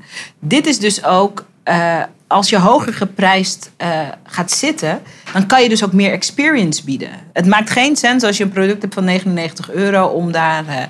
Uh, um, maar hoe cool is het als je weet dat je mensen ook zo kan helpen? Uh, dat je um, je waardevolle werk ook op zo'n manier prijst dat je het ook kan aanbieden. Soms is dit ook een reden om bijvoorbeeld hoger in de prijs te gaan zitten, omdat je dan echt ook zelfs deze service meer kan aanbieden. Ja, mooie vraag. Zijn nog meer vragen over sales? dan? Is het belangrijk in je bedrijf dat je ook uh, lage prijzen hebt? Of kan je in principe ook gewoon uh, uh, hogere segmenten aanbieden? Dus ik heb altijd gezegd, weet je, je moet, je moet, je moet low-end hebben en dan, dan gooi je ze in de trechter en dan gaan we eerst laag en dan gaan ze erop. Oké, dus de, de vraag die je stelt, dat gaat meer over prijsbepaling. Heeft elk bedrijf het nodig dat je, en ze noemen dat in de marketing, uh, dat je een waardeladder hebt? Dus dat je begint met een lage prijsproduct en dan iets hoger en dan uh, wat steviger geprijsd en dan uh, aan de top iets, echt een flinke investering. Ja. Ik heb daar wel een idee over, maar ik ben heel benieuwd ja, wat jij vindt. ook een idee over. Nee, ja. hoeft niet. Ja. Je kan gewoon één alleen maar high-end programma of product hebben, wat duizenden euro's kost. Ja. Het enige is, je zult natuurlijk wel, hè, je, zult dan in je marketing en je zichtbaarheid wel het nodige moeten doen om ervoor te zorgen dat je uh, ook weer je prospects wel begeleidt naar met jou uiteindelijk in gesprek komen. Hè, dus eigenlijk verkoop je dan eerst het gesprek. Je verkoopt met elkaar aan tafel komen. Je verkoopt. Uh, ja, en dat doe je eigenlijk op dezelfde manier ook weer. Hè. In je hele marketing zorg je er ook voor dat er een soort van bewustwording uh, steeds bij jouw uh, uh, potentials is. Van ja, ik ben ergens waar ik niet wil zijn en ik zie hier dat er een, een, een, ja, een oplossing mogelijk is. En ik wil daar graag meer over weten. En dan kan je ook gewoon in één gesprek nou ja, ik heb het in ieder geval meegemaakt, ook in één gesprek, eh, mensen die nog verder nooit iets gekocht hebben, niet eerst een low-end product hebben aangeschaft. Het kan het makkelijker maken, maar dat hoeft zeker niet. Nee. En het heeft ook te maken met wat je wil. Ehm, ik ken echt ondernemers die ehm, echt mega mooie coachbedrijven hebben. Zo'n twee ton per jaar draaien. Gewoon één op één mensen helpen. Hoge prijs, heel kwalitatief. Ehm, en dat past precies bij hoe ze willen leven allereerst. en wat ze willen doen. kijk, het is wel zo dat als je bijvoorbeeld zegt je hebt een mega missie en je wil Nederland veranderen of zoiets. Dat kan, het ligt ook aan je missie. Dan, dan, dan is zo'n waardeladder misschien zo wel interessant. Omdat dan moeten die mensen uit alle hoeken en gaten op verschillende momenten je ook kunnen vinden. De vraag is natuurlijk, moet dat een waardeladder zijn? Of wat wij bijvoorbeeld doen, wij maken heel veel gratis content. 90% van alles wat wij doen en geven is 90% is gratis. Dat heeft te maken met uh, grote missie. En we hebben ook, nou ja, we zitten natuurlijk met z'n allen in deze ruimte. En we zijn over het algemeen heel high geprijsd. Dus het heeft ook te maken. Zijn, er zijn allerlei wegen die naar Rome leiden. Ehm, eh, en dit is dan ook nog even terug te komen op eerder, wat ik, uh, dat, dat, dat soort mega-dilemma in mijn hoofd met James. Ik had dus ergens gedurende een tijd de opvatting uh, opgedaan, dus door die vier vragen die ik kreeg, dat ik, dat ik niet genoeg een low-end product had. En dat ik heel veel mensen in de kou liet staan. En dat het, uh, en dat het niet bij de misbast Zo zat het in mijn hoofd. Want ik was even mijn eigen 90% gratis content. was eventjes vergeten. En um, toen ik dat ook weer scherp kreeg, dacht ik... Ja, uh, oh, ik ben eigenlijk nog steeds de missie aan het leven. En... Um, en dat kan gewoon in wat we nu aanbieden. En soms maken we een uitstapje en dan doen we een leuke aanbieding. Um, maar het is, het is wat je wil. Uh, je kan daar ook in onderzoeken door gewoon dingen te proberen. Um, en het, en het, het hangt, het valt samen met je missie. Hoeveel mensen wil je bereiken? Hoeveel mensen wil je. Als je meer mensen wil bereiken, moet je ook hoog gaan zitten met je prijzen. Moet, geld moet er vrij worden gemaakt voor je marketing. Uh, ja, en dat is een puzzel. Daar is denk ik niet één uh, kant-en-klaar antwoord op. Maar het begint met wat wil je neerzetten? En daarom word ik ook zo moe. Jullie kennen me, dan komt Surinaamse businessmama. Daarom word ik zo moe. Met liefde in mijn hart zeg ik. Word ik moe van die ondernemers die de wereld willen veranderen, maar geen geld willen verdienen. Dat kan dus niet. Dat kan dus niet echt. En, uh, en daarom vind ik het zo fijn dat we deze gesprekken hebben. Omdat het gaat over sales als die, die enorme diamant ook. En een soort katalysator voor verandering en groei en mogelijkheden in je bedrijf. Is amazing. Alet. Wat zijn dingen die je eigenlijk die gewoon echt niet moet zeggen tijdens een salesgesprek? Of de meest fout gestelde vragen? Leuk. nou, waar ik zelf altijd een enorme hekel aan heb, als er mij iets wordt verkocht waarvan dan gezegd wordt, die heb ik zelf ook. Of dat heb ik zelf ook. Nou, dat vind ik echt al zo stom. Hoe bedoel je? Als, dus, ja, als jij iets verkoopt... Nou ja, dat je, dat je gewoon in een winkel van... Ja, oh, ik heb hem zelf ook. Oh, dat... Die. Maakt hij dan ineens goed of zo? Nou, dat vind ik... Ja, ja. En waarom vind je dat zo stom? Ik vind het toch grappig, dit. Want dan denk je, boeien. boeien. Who gives a shit, denk ja. je. Ja. ja. ja. Of dan denk ik bijna... Oh, dan wil ik hem niet. ja. Nee, ja, god ik zal, zal zelf ook wel heel veel dingen gezegd hebben in gesprekken die niet, ja, vind ik een hele lastige vraag. Maar ja, uh, ja ik denk ja, toch dood, ja, een beetje dooddoeners. Dat vind ik zelf altijd dat ik denk, ja, ja, het zal wel of zo. Mm -hmm. Dooddoeners. Uh, Weet je wat ik denk als ik zo uh, over je vraag nadenk, als ik je bij mag vallen? Mm -hmm. um, wat slecht werkt, vind ik, en ik heb natuurlijk die fout ook wel eens gemaakt, is um, dat jij als verkomende partij A zegt, maar B bedoelt. Die van, uh, nee, kijk maar even. Terwijl je eigenlijk iemand door elkaar wil schudden, mijn nieuwe stijl, en wil zeggen, kijk dan wat er mogelijk is. Dus een soort uh, valse, bescheidenheid is misschien niet het woord, maar valse, ja, wat is het? Valse, valse vrijblijvendheid. Terwijl sales is altijd vrijblijvend. Je kan iemand toch niet een keuze laten maken die die niet wil. Dus die valse van, kijk maar. Terwijl je eigenlijk denkt, mandelwangen, dit is geweldig. Laten we onderzoeken wat het voor je kan betekenen. Dus ik denk dat dat is eh, een bepaalde soort valse matheid. Terwijl je eigenlijk in de lucht, die je diegene in de lucht wil gooien en Ja. een soort salto wil laten doen. Van kijk dan. Ja, het is ook een soort beleefdheid. Volgens mij ook toen het net of iets eerder hoorde ik ook inderdaad even over die bezwaren van eh, oh ja, ik snap het helemaal. Het is een soort beleefdheid van meegaan in. Ja. Zo Ja. pleasen. En het is een beetje pleasen, precies. Oh, ik denk dat, ja. dat, het, dat het ook is. Terwijl je denkt, soms zegt iemand iets. ah, en dan zeg je, oh ja, en dan denk je, wat een onzin. Ja. En dan is het gewoon interessant om te onderzoeken van, kan je op een nette Hoe manier... leuk zou het zijn als je dat dan Ja, gewoon kan ja. zeggen. Is echt smullen hoor. Is echt smullen. Je zegt dit, maar ik voel als je dat zegt, wat een onzin. Wat zit eronder? Zullen we daar even naartoe? Heb je zin om te onderzoeken wat er nou eigenlijk onder zit? Ja. ja. Ja, ik, ben wel, ik wil hier graag op doorgaan. Want ik heb wel vaak inderdaad, het gaat ook voor mij dan, gaat het over de waarheid spreken. En dat beeld wat ik heb van, hè, eh, je moet het brave meisje van de klas zijn. Vaker hierover. Ehm, wat, wat, is dan de angst van een verkoper dat die misloopt daarmee? Want ik heb echt zoiets van, de winst die je dus eigenlijk kan behalen, hoor ik nu, is als je iemand gewoon even flink de waarheid vertelt, is dat je iemand helpt kopen. Terwijl ik denk, ja, maar als ik ga zeggen, joh, ja, zo denk ik moet, joh, maar wat jij nu zegt, daar geloof ik helemaal niks van. Oké, even samenvatten voor eh de podcast. Dus eigenlijk wat jij omschrijft, hè, Daisy, is ehm, eh, in hoeverre mag je de waarheid spreken in een salesgesprek? Eh, we zijn ook veel opgevoed met dat we vooral beleefd moeten zijn. We willen mensen niet op de tenen trappen. Ehm, mm, hoe werkt het dan, die waarheid spreken? En eh, waar zijn we zo bang voor dat we in een soort in een soort rare dans van beleefdheid. En ondertussen speelt er onder de oppervlakte van alles.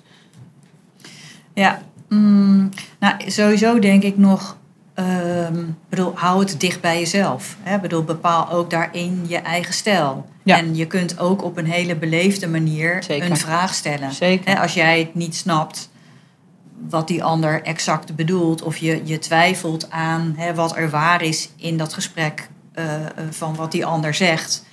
Ja, dan heeft ieder denk ik gewoon zijn eigen stijl om erachter te komen of dat dat zo is. Dus Mhm, ik, weet je, ik zou mhm. jullie ook niet allemaal per Nee. se willen uitnodigen om nu meteen eh, wow. Op een, op, op, op, op een super brutale manier. Nee, hoeft ook Eh, helemaal niet. Dat Nee. hoeft niet. En ik denk dat dat ook een kwestie is van aanvoelen of dat kan. En ik denk ook dat je voelt in een gesprek aan het einde, want meestal komen die bezwaren natuurlijk aan het, aan het einde. Eh, hè, van hey, hebben we gewoon, ja, hebben we de, die verbinding waardoor ik dit gewoon kan zeggen. Ja. Maar ik zou zeker, weet je, ja, blijf bij jezelf. En je kan het ook gewoon vragen. Zeg van, joh, je zegt dat nu. Ja, leg het nog eens uit of zo. Is leg dat, het maar is dat echt waar? Is dat ja. echt wat er speelt? Of zit er Ja, nog is meer dat onder? echt wat er speelt? Of, ja, tuurlijk. Ja. Ja. En als ik uh, Nicolette mag bijvallen, soms kan je er ook voor kiezen. To, zoals ze dat in Amerika zeggen, to forfeit the game. Ik heb ook wel eens salesgesprekken gehad met mensen die zo vast zaten in, in echt, echt ingewikkelde overtuigingen. Dat ik dacht, oh ja, nee. Heb ik ook wel eens gehad. Dan laat ik iemand gewoon helemaal in zijn... En dan zeg je, oké, ik hoor je. Ik ben niet de juiste persoon voor jou, denk ik. Omdat ik dan voel van, er is iets anders nodig. Dus bijvoorbeeld... eh, ik heb één keer even kijken of ik het ook met eh, een voorbeeld kan duiden. Een paar jaar terug ook. Was voor Video Business School had ik een gesprek. En eh, er was iemand zo... James, zei, James zou zeggen van... eh, eh, zo, die vocht echt voor haar beperkingen. Ze vocht er echt voor. En het ging erover dat ze... ehm, we hadden het over dat thema van... dus het ging over, kan het toch ook alleen? Toen gingen we inderdaad een mooi gesprek van... Nou, je doet dan een paar jaar alleen. Hoe werkt dat voor je? Wat kost het je ook? Is het leuk? Is dit waarom je het bedrijf begonnen bent? Wat heb je dan nodig? Eh, waar zou je dan ondersteuning in willen? En toen gingen we weer terug naar square one. Ja, maar dit en dat. En het een bedrijf betekende niets als je het alleen had opgebouwd. Als je niet alleen hebt opgebouwd. Zei ik, oké. Hoe kom je daarbij? Welke voorbeelden ken je dan van mensen die helemaal alleen een bedrijf hebben opgebouwd? Nou, die voorbeelden waren natuurlijk niet echt. Ehm, ehm, stel dat het niet zo is wat ze zegt. eh, waar zou, wat zou het eerst zijn waar ze hulp mee wil, ondersteuning? Gingen we weer, toen gingen we weer terug naar square one. Ja, maar eh, ze is ook een van de redenen dat ze de bedrijf is begonnen, is juist om het allemaal alleen te doen. I'm like, perfect. That's great. Hey, ik ben niet de juiste persoon voor jou. ik wens je heel veel succes. En ik meen het dan ook, hè? En ik kijk dan ook, het is niet de juiste persoon voor mij, maar ik vind dat dan ook storend. Wij werken natuurlijk ook altijd met communities. Als je zo wil vechten voor je. Ik bedoel, we hebben allemaal bewerkende overtuiging ook. Maar als je, je wil, you just want to wrestle me to the ground voor dat. Oké, vind ik ook niet leuk voor in de community. Want dan komt iemand met die energie. Alle andere mensen die wel gewoon zo moedig proberen te ontwaren, die ui af te pellen van goh. Als wat ik denk klopt het wel. Dat, dat vind ik dan ook niet passen. Dus soms kan je gewoon ook bepalen als iemand zo getrouwd is met zijn beperkingen. Kan je ook bepalen van eh, thanks but no thanks. Ja. En dat komt weer terug op dat zij solliciteren ook bij jou. Ja. En ook weer even terug, joh, waarom hadden wij dit gesprek ook Ja, eigenlijk al ja. met elkaar? Jij hebt dit gesprek aangevraagd, ja. vriendin. Ja. En nu wil je me overtuigen dat all is well. ja, prima. Ik vind het fantastisch, ja. Doe de groeten, doe de groeten aan Oprah wanneer je er ontmoet, toch? Ja, want ongetwijfeld, ja. ja. Ja, precies. Ja, en dat wat jij net zei, dat doet me ook denken aan een soort ontkoopstrategie, noemen ze dat ook wel. Hè? Dus vooral zeggen, ehm, hè, soms kunnen mensen ook wel eens zoiets hebben van eh, het misschien moeilijk aan zichzelf kunnen toegeven dat ze nog niet zo ver zijn als ze hadden willen zijn. Hè? En dan hoor je in een gesprek dat ze eigenlijk steeds gaan zeggen, ja, maar dat en dat heb ik allemaal wel al, of zo, weet je. Dus Ja. Hè, dan, dan willen ze zich toch ook Bewijzen of eh, verdedigen. Ja, nog een beetje bewijzen of laten zien. En dat vond ik bedoel ook goed, hè? Fantastisch dat ze dat eh, doen. En sommigen hebben er een handje van om dat iets te veel de hele tijd naar voren te brengen. Ja, en dan kun je ook gewoon echt zeggen eh, van joh, maar als jij echt al zo ver bent en je hebt alles al op orde, hè, dat, ik hoor je nu dit en dit, als je dat allemaal op orde en je bent al zo ver, ja, dan zou ik het gewoon echt absoluut niet doen. ja, echt precies, absoluut niet. Ja. Ja. You're already a 10. Je hebt ons niet nodig. Ja, en dan merk je ook een soort van, oh, dan gaan ze ook toch weer hun best doen om te laten zien. In één keer weer dat ze toch nog niet zo ver zijn of zo. Hè? Dus en dat. En, een en ik, grappig, want ik denk nu aan het woord spel, maar het is wel een serieus spel. Weet Ja. je, je moet het een beetje zien als een spel, maar ik zou het ook niet echt als zo verkopen is een spel. Nee, het is echt wel een serieus spel. Want ehm, die ander betaalt ook gewoon wel straks dat bedrag. Ja. Wat hij of zij ook in iets anders had kunnen, investeren. En daar ben ik mezelf als ondernemer of als verkopende eh, partij binnen een, een, een, een eh, bedrijf van iemand anders gewoon heel erg bewust van. Dat je wel zorgt dat iemand gewoon een investering gaat doen. En dat dat ook echt een goede investering moet zijn. Ja. Dat je er ook op vertrouwt dat diegene daar ook het maximale uit kan halen. En dat het soms, eh, weet je, bedoel, iemands laatste geld is om zijn bedrijf nog te redden. Of wat het dan ook kan zijn. mhm. Dus het is een spel, maar ik wi- wil ook wel echt meegeven. Een integer spel. Een integer en serieus spel Ja. wat je speelt. Maar in dit soort dingetjes vind ik het altijd... Ja, dat, dat, ik vind dat leuk om dat te zien. Om te kijken van, hé, hey, wat gebeurt er nou in dat gesprek? Wat gebeurt er dan dus met die ander? Omdat Als ik jij denk- drie keer gezegd hebt, ja, nee, inderdaad, en daar heb ik moeite mee. Ja, dan wil je toch ook even laten zien wat je misschien, Ja. ja, wat je toch ook wel goed kan. Het is ook, heel, het is ook zo lekker Menselijk, dat wilde ik net gaan zeggen. Als je zeg maar compassie Ja. kan opbrengen voor dat menselijke gedeelte ervan. Dus ook het menselijke bij jezelf. Ja, Dat heeft ook iets van vertedering in zich. ja. Omdat we dat toch zo herkennen. En soms doen wij het niet op businessgebied. Ik heb heel vaak dat ik, dat ik geweldige gesprekken heb, salesgesprekken. En dat ik dan zie, ik luister, ik denk, dit doe ik dus in de liefde. gewoon zo'n Oh, ja. super sabotator in de liefde. En it's fine. Dus er zit gewoon iets menselijks inderdaad in. En als je Ja. dat ook kan ontvangen, ja. is echt een enorm cadeau ook in zo'n gesprek. Ja, ja, ja. En soms zit iemand helemaal vast in zijn ego. En dan is dat ook oké. Dan moet iemand daar gewoon nog even zijn. Zeg maar. ja. En, eh, ja. En dan ben ik er ook dus niet- Precies, er gebeurt precies wat je net zei eh, in het begin. Van, het is mooi als er een ander beeld komt van hoe je kunt verkopen. En wat ik bij mezelf merk, is dat er nu een ander beeld komt van hoe je kan verkopen. Hmm. Dus precies wat je zei aan de start, van we hebben het beeld van de snelle verkoper. En doordat jij zo enthousiast aan het vertellen bent over hoe het anders kan, begint er bij mij een shift te ontstaan. Denk oh, het is dus echt wat ik eigenlijk al in mijn werk doe. Ja, gewoon ja. het gesprek aangaan en gewoon luisteren. Waar ben jij nu?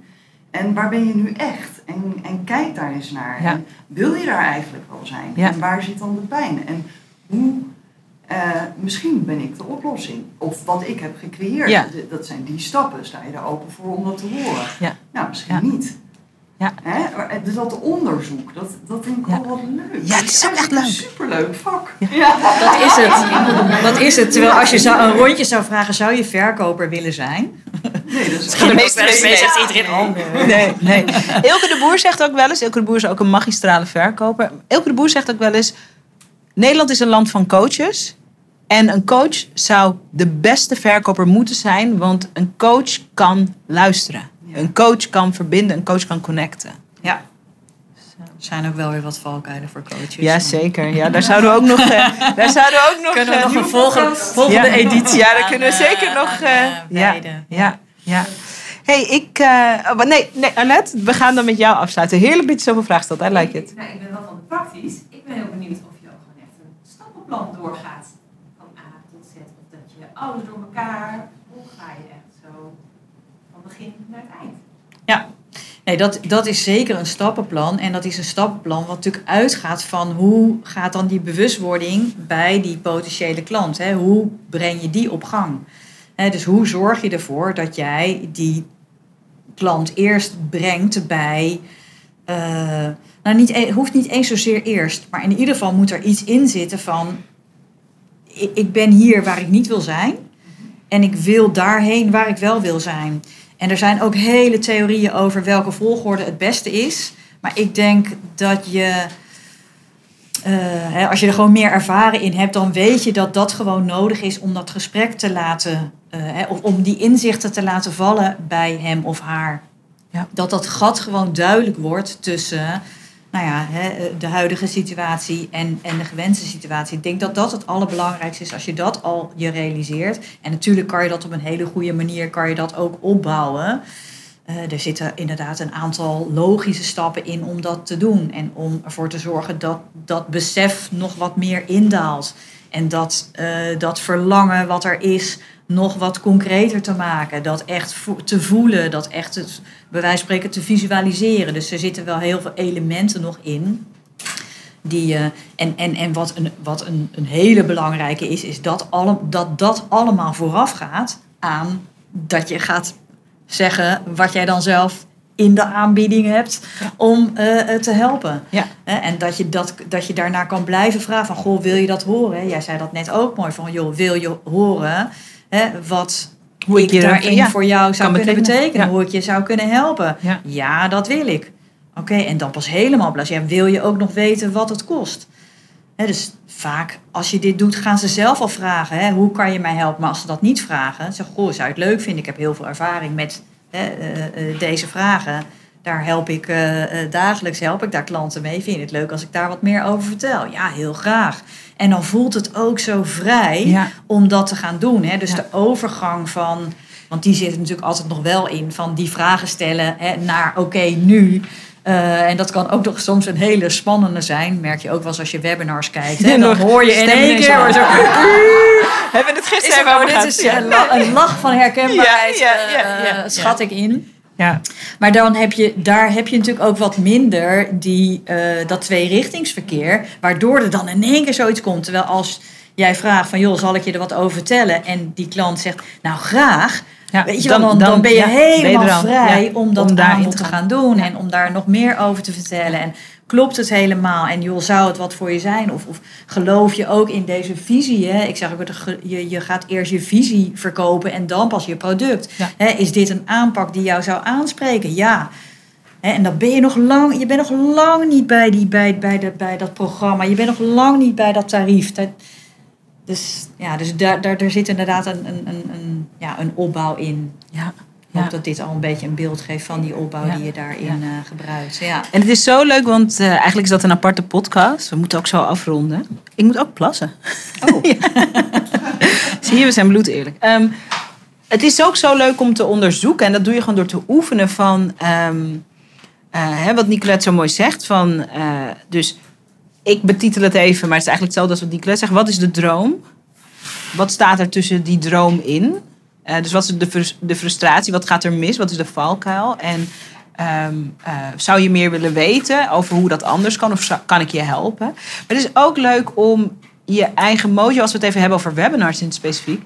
Ehm, ehm, voor mij is bijvoorbeeld heel vaak een, een sleutelzinnetje is van... eh, ik heb hier een heel grote droom in voor jou. Ik heb hier een missie in. Eh, zou ik daar wat meer over vertellen? Dat is zeg maar voor mij zo'n moment. We gaan nu. eh, dat voelt ook helemaal niet. Dat, ik voel ook niet alsof ik ga pitchen. Ik ken ook een andere ondernemer, vind ik ook heel leuk. Die zegt: ehm, eh, Ik heb een prachtoplossing gecreëerd voor het probleem waar we het nu over hadden. Ik ga daar een aanbod in doen. Als je nul geïnteresseerd bent in die prachtoplossing of dat aanbod, is dit een mooi moment om af te haken. Mega transparant. Dan haken er ook altijd wat mensen af. Sommige mensen willen gewoon altijd alleen maar de gratis webinar eh, eh, route volgen. Niks mis mee. Maar dat geeft ook, dus de- stel je voor dat er tien man afhaakt of twintig. Maar de, maar de rest willen dus horen. Oké, dat geeft ook weer vertrouwen. Dus het is ook leuk om daarmee te oefenen, verschillende dingen. Ehm, ehm, En een klein praktisch dingetje daarvan in een gesprek, als je het hebt over die voor, zeg dat gewoon ook aan het begin. We gaan het gewoon daar en daar over hebben. Mocht ik aan het einde van het gesprek het idee hebben dat ik je hiermee echt heel verder kan helpen, nou, dan gaan we het daar nog over hebben. Maar, dat, maar voor nu doet dat er nog helemaal niet toe, hè? Want daarmee neem je wel vaak weg dat er, dat, eh, er, er een soort ruis nog bij die potentiële klant kan zijn. Van, Wat oh, zijn we aan het doen? Straks komt er iets hoor. Ja. Straks gaat ze me iets verkopen. Mhm. En als dat gewoon weg kan vallen, dat je gewoon weet dat komt inderdaad aan bod. En als dat zo is en we hebben een match. Nou, en, maar dat hoeft helemaal niet zo te zijn. Kan ook dat, dat we in het gesprek erachter komen dat er totaal iets anders nodig is. Ook prima. Dan, dan voelt dat ook al voor die potentiële klant wat relaxter. Van dit wordt niet een gesprek waarin mij iets wordt aangesmeerd waar ik niet op zit te wachten. Ja, ja. En dit, is, dit vraagt leiderschap. Hè? Dit, zijn, we zijn, dit is de industry leader groep. Leader met, maar dit vraagt leiderschap. Dus dat is, je komt niet solliciteren in dit gesprek. Je zet uiteen, hè, liefdevol, dit gaan we doen. Ik ben om je te ondersteunen. Je, you lead the way, je geeft ruimte. Dat is dat leiderschap waar we het hier veel over hebben. En niet van, oh my god, kijk gewoon wel en ik zit, oh my god. Weet je wel? En dat is leuk om beter in te worden. Dat helpt je op allerlei vlakken in je leven. Als je daar, eh ja, kijk, een deur dichtslagen. Als je daar eh, eh, meer mee kan oefenen. Nicolette, we zouden echt nog honderd uur verder kunnen praten. Eh, dat eh, kan helaas niet, maar we hebben toch wel eh, zo'n bijna anderhalf uur met elkaar gekletst. Oh, ja, zo gaat dat. Als het goed voelt. Hey, ehm, jongens, ik wil jullie bedanken voor jullie vragen. Ik zie allemaal hele opgeluchte, geïnspireerde gezichtjes. Dat is wel fijn, hè? Fijn. Ja. ja. ja. Missie Ja. accomplished. Ga hier lekker mee experimenteren. Dit gesprek is natuurlijk ook een podcast. Eh, die komt ook straks online. Ga hem nog lekker een paar keer terugluisteren. Ik- dit lijkt me echt zo'n gesprek waar je, als je hem een paar keer luistert, dat je er verschillende eh, inzichten eh uithaalt en ook verankert in je systeem. Dus doe dat. Voor de podcastluisteraars, hartstikke fijn dat je hebt geluisterd voor jullie hetzelfde advies. Dit is er echt eentje om nog een paar keer terug te luisteren. Ehm, Nicolette, ehm, stel dat mensen een beetje op de hoogte willen blijven van, eh, van, van jou. Eh, gaan ze dan ergens naartoe? Eh, of komen ze dan bij mij en stuur ik ze dan door naar jou? Wat, wat is de route? Nou, ze kunnen altijd even een kijkje nemen op www.inspirationfactory.nl. Leuk. Inspiration Factory is mijn bedrijf. Ik moet wel heel eerlijk zeggen dat ik, doordat ik natuurlijk met jou aan het werk ben en nog met een aantal andere ondernemers, dat eigenlijk mijn eigen Inspiration Factory een beetje on hold is op dit moment. We slokken je daar- helemaal Maar op. daar Ja. kun je me in ieder geval vinden. Ja, ja, ja. En wat echt ook leuk is, maar dat is voor een andere podcast wat uitgebreider. Ehm, een van de missies die ik heb in het bedrijf is wanneer ik een cadeau ontdek in mijn eigen business, dat ik in elk geval nadenk, samen met diegene die dat cadeau is, van eh, kunnen we meer mensen daar blij mee maken. Dus eh, op de achter, achter de schermen zijn Nicolette eh, en ik ook bezig om te kijken. Nicolette is niet alleen een geweldige sales iemand, maar ook een geweldige sales coach. En we zijn ook aan het kijken en aan het nadenken van hoe kunnen we meer ondernemers verrijken met, met de Nicolette Power. Dus ehm, we houden je op de hoogte. Doe ik via social media, Instagram, onze nieuwsbrievenlijst.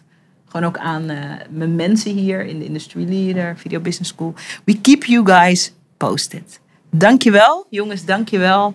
Jij dankjewel voor het luisteren. En tot een volgende aflevering van de Strijden Podcast.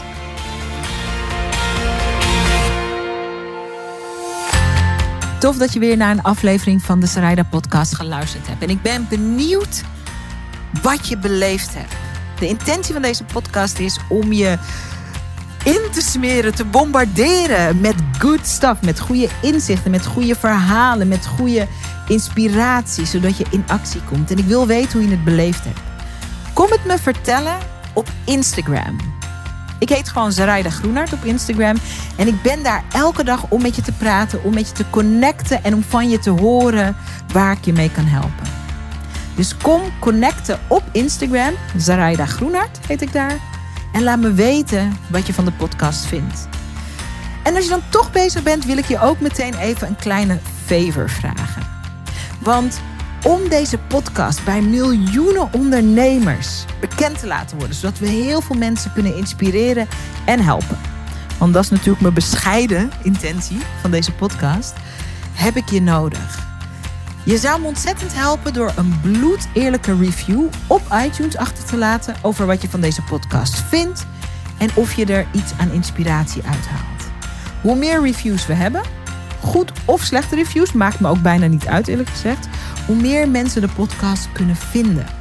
En ik ben nieuwsgierig naar wat we voor jou kunnen betekenen met de podcast. Dus als je een minuutje over hebt, zou ik het heel tof vinden als je je bloedeerlijke mening over deze podcast achterlaat op iTunes. Ik bedank je, ik bedank je, ik bedank je. En ik spreek je hopelijk snel op Instagram of ik hoor je bij een volgende podcast. Dankjewel.